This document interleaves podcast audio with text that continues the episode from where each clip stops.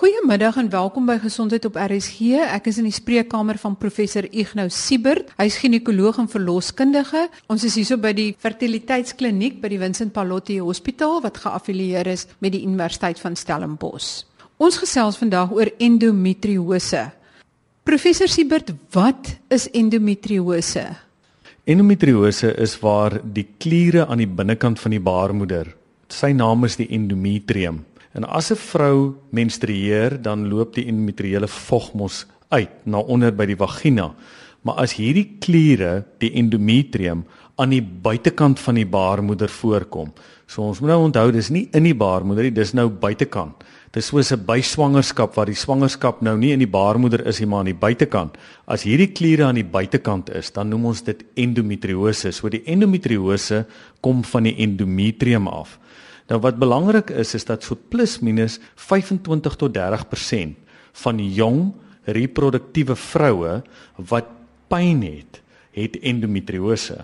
Die rede hoekom dit dan nou van belang is, is dit elke vrou wat met pyn presenteer, moet 'n mens in jou agterkop hê, is daar miskien 'n verwantskap met endometriose.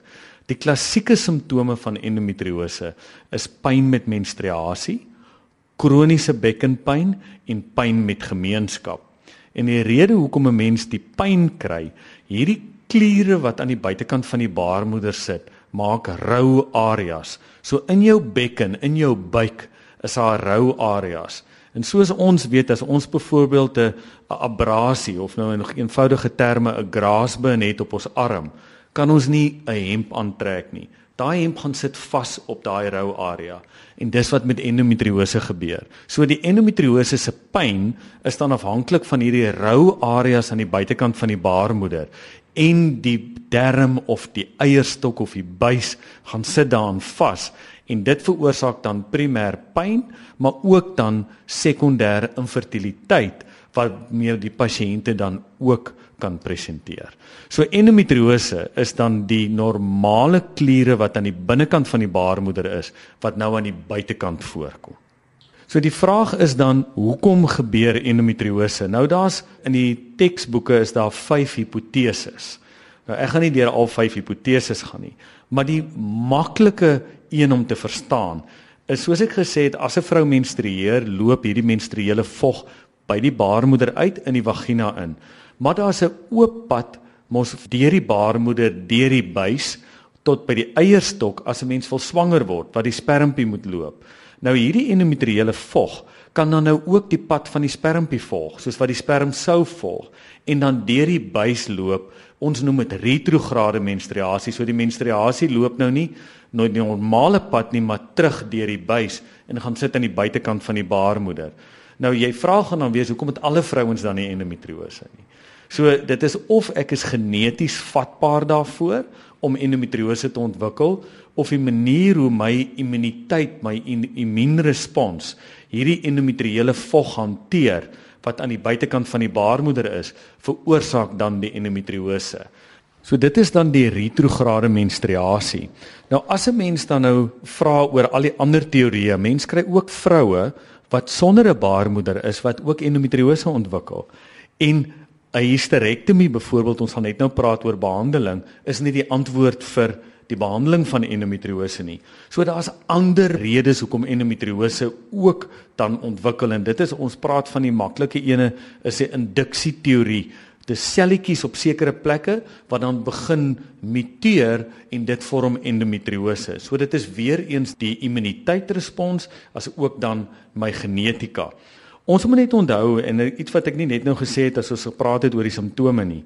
Daai algemene drie simptome, die pyn, die pyn met gemeenskap en die pyn met menstruasie, dit is as ons net daarna kyk, kan dit 1 uit 3 vrouens voorspel. So dit is 'n 33% van vroue met endometriose het daai drie simptome. So dit sê dan ook vir 'n mens, jy kan nie net luister as ek pyn het, het ek endometriose nie. So hoog as 10% van alle vroue met endometriose het geen simptome nie. So simptome is maar net vir ons 'n rigtingwyser om te sê ons moet miskien gaan kyk of ons moet die pasiënt ondersoek is daar nie miskien endometriose nie. Maar jy kan nie 'n diagnose maak net op simptome nie. Waarop maak jy dan 'n diagnose? Wat het jy nodig om 'n diagnose van endometriose te maak? Ek het net nou gesê hoekom ontstaan dit? Daar's 'n groot genetiese faktor. So mense sal vra, jy weet, uit ma of sussie of tannies, is daar miskien endometriose in die familie? Dis 'n een faktor. Ons sal dan luister na die geskiedenis. Is daar hierdie pyn wat ons oor gepraat het, is dit betrokke? En dan sal ons 'n ordentlike ondersoek doen. So mense sal 'n sonar doen. Die enigste enigste endometriose wat 'n mens met 'n sonar kan sien, is as die endometriose 'n sist van die eierstok gemaak het, maar ons kan geen ander endometriose sien nie. So dit help nie ek doen 'n sonar, jy het al die pyn en ek sê vir jou daar is nie endometriose nie, want ons kan dit nie met 'n sonar diagnoseer nie. So as ons dan nou sê geneties klink dit asof daar wel 'n geskiedenis is. Die simptome lyk so, die ondersoek voel ons jy's baie teer as 'n mens 'n vaginale ondersoek doen en dis meer. Die absolute finale antwoord by die diagnose van endometriose is om dan 'n laparoskopie te doen. So 'n laparoskopie is waar ons dan met 'n kamera in die buikholte ingaan en dan hierdie area sien, biopsies neem en dit stuur vir histologie. Dit is op die einde van die dag die éventuele diagnose is om dit te sien en dit te bevestig met 'n biopsie. Ja, dis interessant. Die vraag is hoe lyk dit? Die klassieke ding hoe dit lyk is hierdie rou areas. Dit lyk soos sulke rooi blaasies. Ons praat ook van dis kan swart en uitgebrand wees, dan kan dit spierwit wees en dit lyk soos ou litteken of fibrotiese weefsel.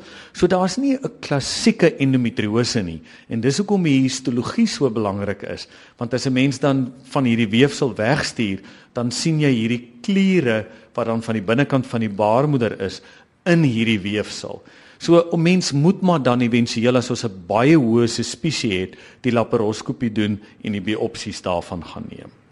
Neem dit toe, interessante vraag. Ek dink ons is meer bewus van endometriose en ek dink omdat ons meer laparoskopies werk, is dit baie makliker om die diagnose te gaan maak. Nou, hierdie is nou eintlik 'n tweesnydende swaard, want daar's baie mense wat nog propageer en tot van ons dokters om gereeld laparoskopie te doen as jy eenmal die endometriose het om te gaan kyk het dit nie terug te kom nie. Wat is die probleem hiermee? Ons weet in die beste hande as 'n mens opereer en jy sny hierdie endometriose uit, is die kans dat dit kan terugkom 20 tot 50% oor 'n 5 jaar periode. Dis 'n baie belangrike punt want eintlik moet 'n mens endometriose sien en dan gaan 'n Engelse aanhaling haal as a lifelong disease and we've got to find the balance between medical management and surgery to avoid unnecessary surgery. En dit is die belangrikste ding van ons vir die behandeling van endometriose. Is dat 'n mens as jy die diagnose gemaak het, regtig by die regte mense uitkom wat hierdie endometriose as dit erg is, gereeld opereer om jou onnodige operasies te minimaliseer en dan 'n goeie kombinasie met mediese behandeling te kry. Wat is die behandeling? Kan mens dit met medikasie of hormoonbehandeling probeer onderdruk of keer of moet mens opereer? As ons weer kyk hoe ontstaan endometriose. Endometriose is die kliere van die binnekant van die baarmoeder wat aan die buitekant voorkom. So waarvan is hierdie kliere afhanklik? As 'n vrou elke maand menstrueer, ovuleer sy. So die ontwikkeling of die groei van die kliere is afhanklik van 'n vrou se hormone, die sikliese verandering van die hormone in 'n maand. So eintlik die behandeling van endometriose as 'n mens dit volledig wil behandel is om dit chirurgies te verwyder en dan die ovarie uithaal want is daar nie meer hormone wat hierdie kliere kan stimuleer nie. Maar duidelik kan 'n mens dit nie doen nie want jy kan nie 'n jong vrou kastreer nie. So dis hoekom vroue wat endometriose het byvoorbeeld die pil gebruik om die ovulasie te onderdruk. Daar's nou 'n nuwe middel op die mark. Dis laas jaar in Suid-Afrika het ons dit gekry. Sy naam is Wezaan. Dit is 'n progesteroon, dit het nie estrogen in nie en die meeste van die vroue, 80 tot 90% van die vroue het 'n baie goeie onderdrukking van hulle simptome. Maar nou moet ons onthou as ons net die hormone gee, dan onderdruk ons nie die simptome, maar ons behandel nie die siekte nie. So die oomblik as ek dan die hormone ophou wat my ovulasie onderdruk, dan gaan ek mos weer begin ovuleer en ek gaan weer simptome begin kry. So nou kom ek weer terug na my initiële stelling of die stelling wat ek in Engels gemaak het. Dit is die goue balans tussen die regte chirurgie en hormonale behandeling wat 'n mens dan moet doen vir die jong vrou wat presenteer met endometriose. Klassiek as ek wil swanger word, kan ek mos nie op hormonale behandeling gaan nie want dit is alles dan nou mos maar basiese kontrasepsie. So dan moet ons opereer. As ek nie wil swanger word nie, is die balans tussen chirurgie en hormonale onderdrukking dan nou die ideaal. So in die jong meisie wat presenteer 'n jong uh, meisie voordat sy dan nou getroud is en wil swanger word, sal 'n mens dan of eerste hormonale onderdrukking gee. Is jy nie suksesvol nie, sal 'n mens opereer in die vrou wat se gesin reeds voltooi is, sal 'n mens presies dieselfde benadering hê. Dit hang dan af natuurlik oor die simptome en wat ek gediagnoseer het. As ek 'n sist het op die eierstok, moet ons die sist normaalweg gaan verwyder en dan op hormonaal onderdrukking sit. Maar as ek net wil swanger word, is hormonale onderdrukking definitief nie deel van jou behandeling nie. So die dokter wat 'n mens behandel, sal dan éventueel besluit in hierdie geval, want alle gevalle, elke vrou is 'n individu en is uniek, sal 'n mens dan besluit is dit chirurgie, is dit hormonale behandeling of 'n kombinasie van die twee. As hierdie endometriële selle op ander plekke in jou buik implant tree dit op onder hormonale veranderings soos wat dit sou optree terwyl dit binne in jou baarmoeder was? Dis 'n goeie vraag. Ek sit sommer net en dink aan 'n pasiënt van my, 'n jong vrou. Sy was so 26 wat gekom het met sikliese skouerpyn. So as sy gemenstrueer het, het sy pyn in haar skouer gehad. Sy het 2, 3 artroskopie, kamera operasies van haar regter skouer gehad en hulle het niks abnormaal gekry nie. Toe ons die laparoskopie doen, het sy endometriose van haar mantelvlies of die diafragma gehad en haar se senuweetjie wat dit dan irriteer en hierdie senuwee gee verwyste pyn na die skouer. Toe ons die endometriose uitsny, sy wou nog nie swanger word nie en op die wasaan sit is al die pyn weg. So wat gebeur? Siklies ja. Jy kry presies dieselfde inflammasie in hierdie selle aan die buitekant van die baarmoeder as wat aan die binnekant van die baarmoeder is. So dit kan in die darm wees. Jy kan siklies bloei uit die darm uit. So as jy menstrueer, kan jy bloei as dit in die darm is. Dit kan siklies vir jou blaaspyne gee. Dit kan siklies wees soos hierdie vrou wat nou die pyn in die skouer gehad het wat kom van die diafragma af. Ons het ander vroue gehad wat siklies bloed ophoes as dit in die vlies tussen die long is en 'n mens kan dan ook sikliese pyn kry daar.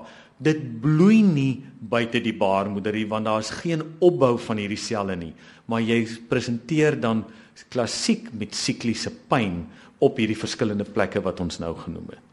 As dit op een plek is, buite kan die baarmoeder, groei dit daar verder of versprei dit maklik van daar af verder?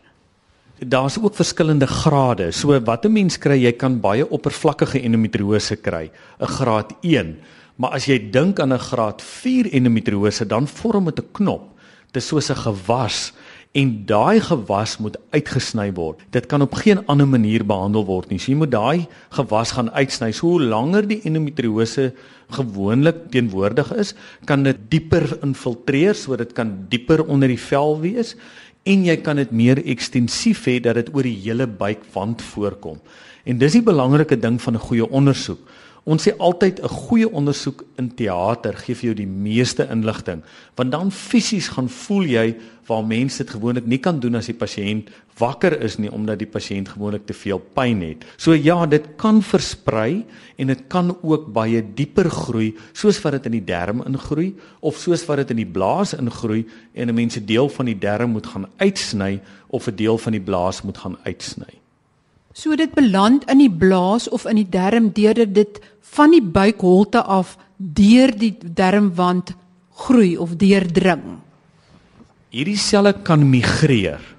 So ons praat van 'n selomiese metaplasie. Daar's sulke geete in die buikwand. Dit kan in hierdie geet opmigreer, so dit kan so versprei of dit kan dan nou 'n selletjie wees daar in die blaaswand en hy begin muteer en dit is hierdie knop van endometriose wat daar vorm.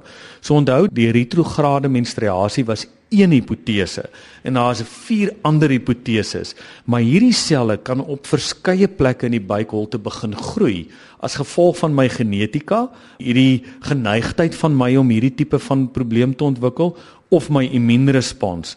En wat interessant is, daar's baie mense wat se metode van behandeling is om dit met 'n ons doen met 'n CO2 laser. Dis nie regtig 'n laser nie, maar om dit te brand. Maar as dit dieper is as 3 mm, kan jy dit nie brand nie, dit moet uitgesny word. En dit is hoekom dit dan aanleiding gee tot hierdie herhaaloperasies. Die dokter gaan in, hy kyk, hulle brand dit oppervlakkig, maar die endometriose word nooit uitgesny nie. En as 'n mens een operasie van endometriose gehad het deur jou algemene ginekoloog en dit herhaal, sal daar definitief 'n goeie raadgewing wees om by 'n spesifieke endometriose kliniek uit te kom waar hierdie mense spesialiseer om hierdie endometriose op die beste manier te verwyder. Toe ek so tydjie terug op 'n ginekologie en verloskunde kongres was, in die sessie oor endometriose, het dit beslis gelyk of die ginekoloog dit as 'n kopseer beskou. Selfs in die besprekings waar hulle dit chirurgies verwyder het, was daar baie vrae en baie kwessies wat bespreek is. Hoekom is dit so moeilik as daar net 'n paar selletjies agterbly groei dit dan weer of hoekom is dit so groot probleem? Ek dink ons kom by die kruks uit uh, oor daai vraag. Dit is vir almal 'n kopseer. Ek het gesê net nou jy het 'n 20 tot 50% kans dat dit kan herhaal. Maak nie saak waar jy geopereer word nie.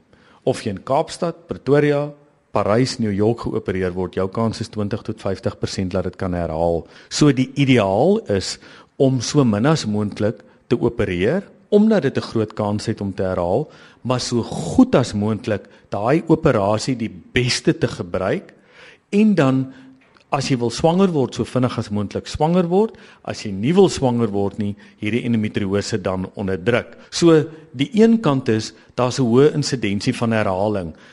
Ons het al jong vrouens gehad, jonger as 30 wat al 11 laparoskopieë gehad het en dit is totaal en al verkeerd. Want ek bedoel dit is duidelik is hier net een opsie van behandeling toegepas en ons gaan kyk as daar potensieel weer endometriose ontwikkel.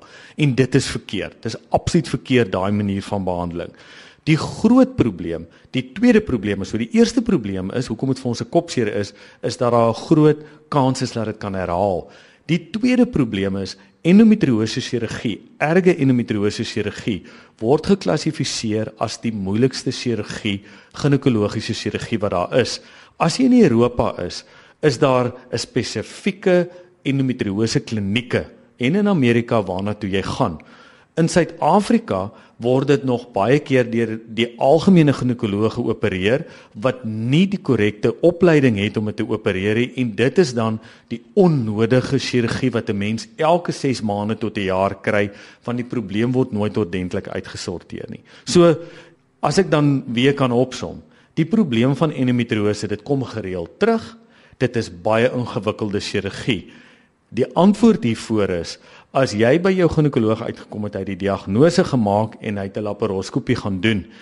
Vra vir die fotos, gaan saam met hom deur die fotos, kyk na die voor en die na fotos van jou operasie, want alle dokters wat op 'n kamera opereer, behoort jou die fotos of op jou jou rekenaar of die fotos wat geneem word te kan sien en daarmee kan 'n mens dan raad vra tweede opinie vra as die pyn weer terugkom, as die probleem weer terugkom. Maar om net aan mekaar te opereer op die einde van die dag met ons operasies doen ons dan baie meer skade as gevolg van littekenweefsel as wat ons goed doen en die littekenweefsel soos ons almal weet kan 'n mens nie opereer nie. As jy litteken het en jy sny dit uit, maak jy weer 'n litteken.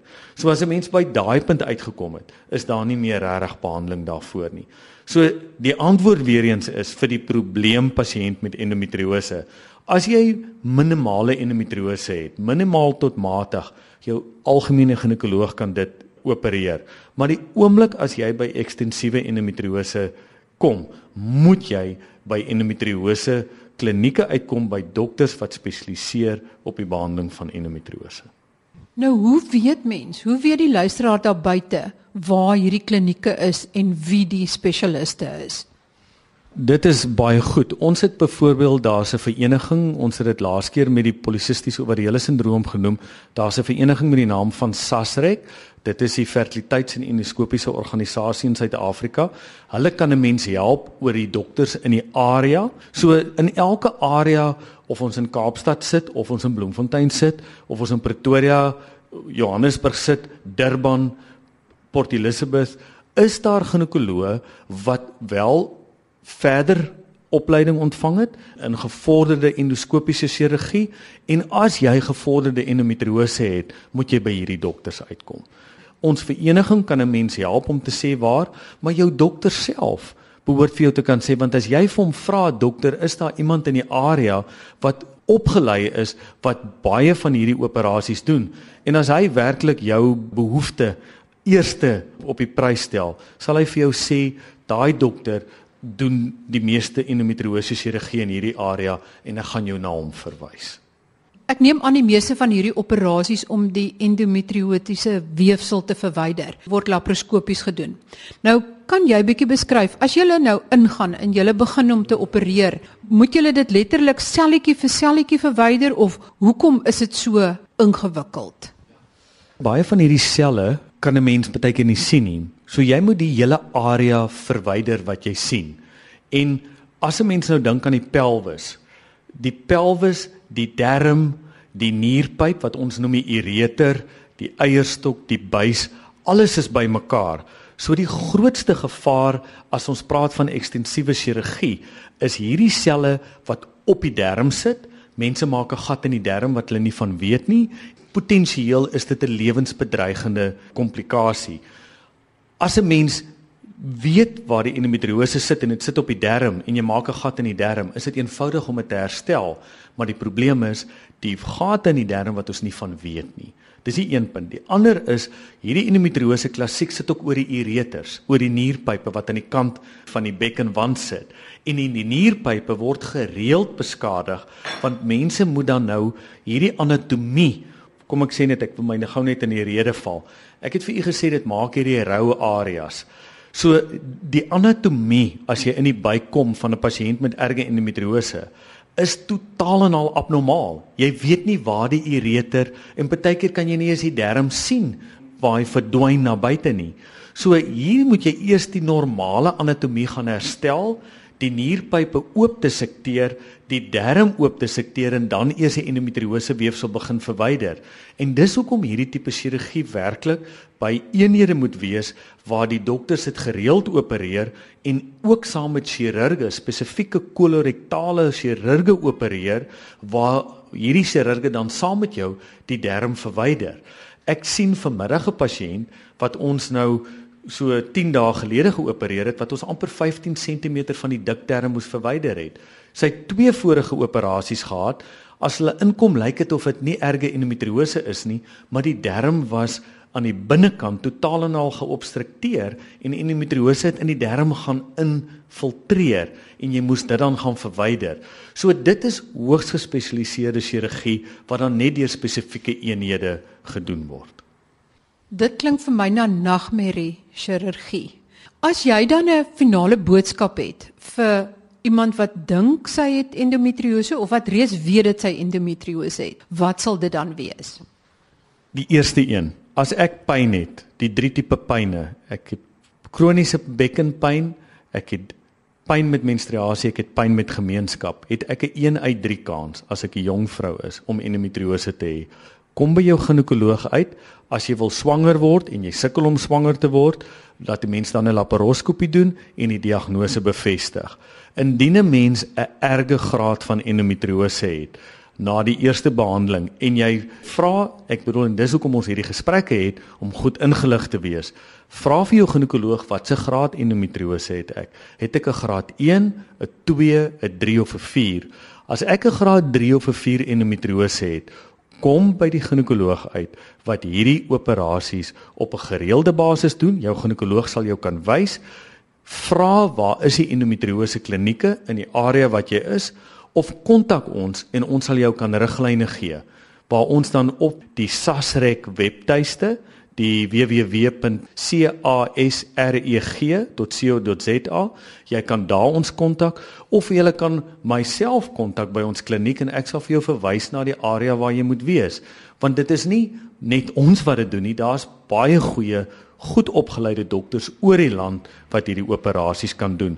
Maar asseblief, as jy die eerste operasie gehad het, wees by die regte spesialis vir die tweede een en as jy 'n derde een moet kry, moet jy baie groot vrae vra. Hoekom word ek 'n derde keer geopereer as ek nie by die regte kliniek of by die regte spesialis is nie?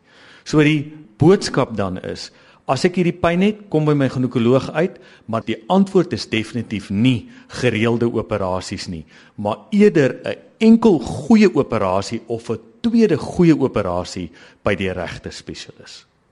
Baie dankie aan professor Ignou Siebert.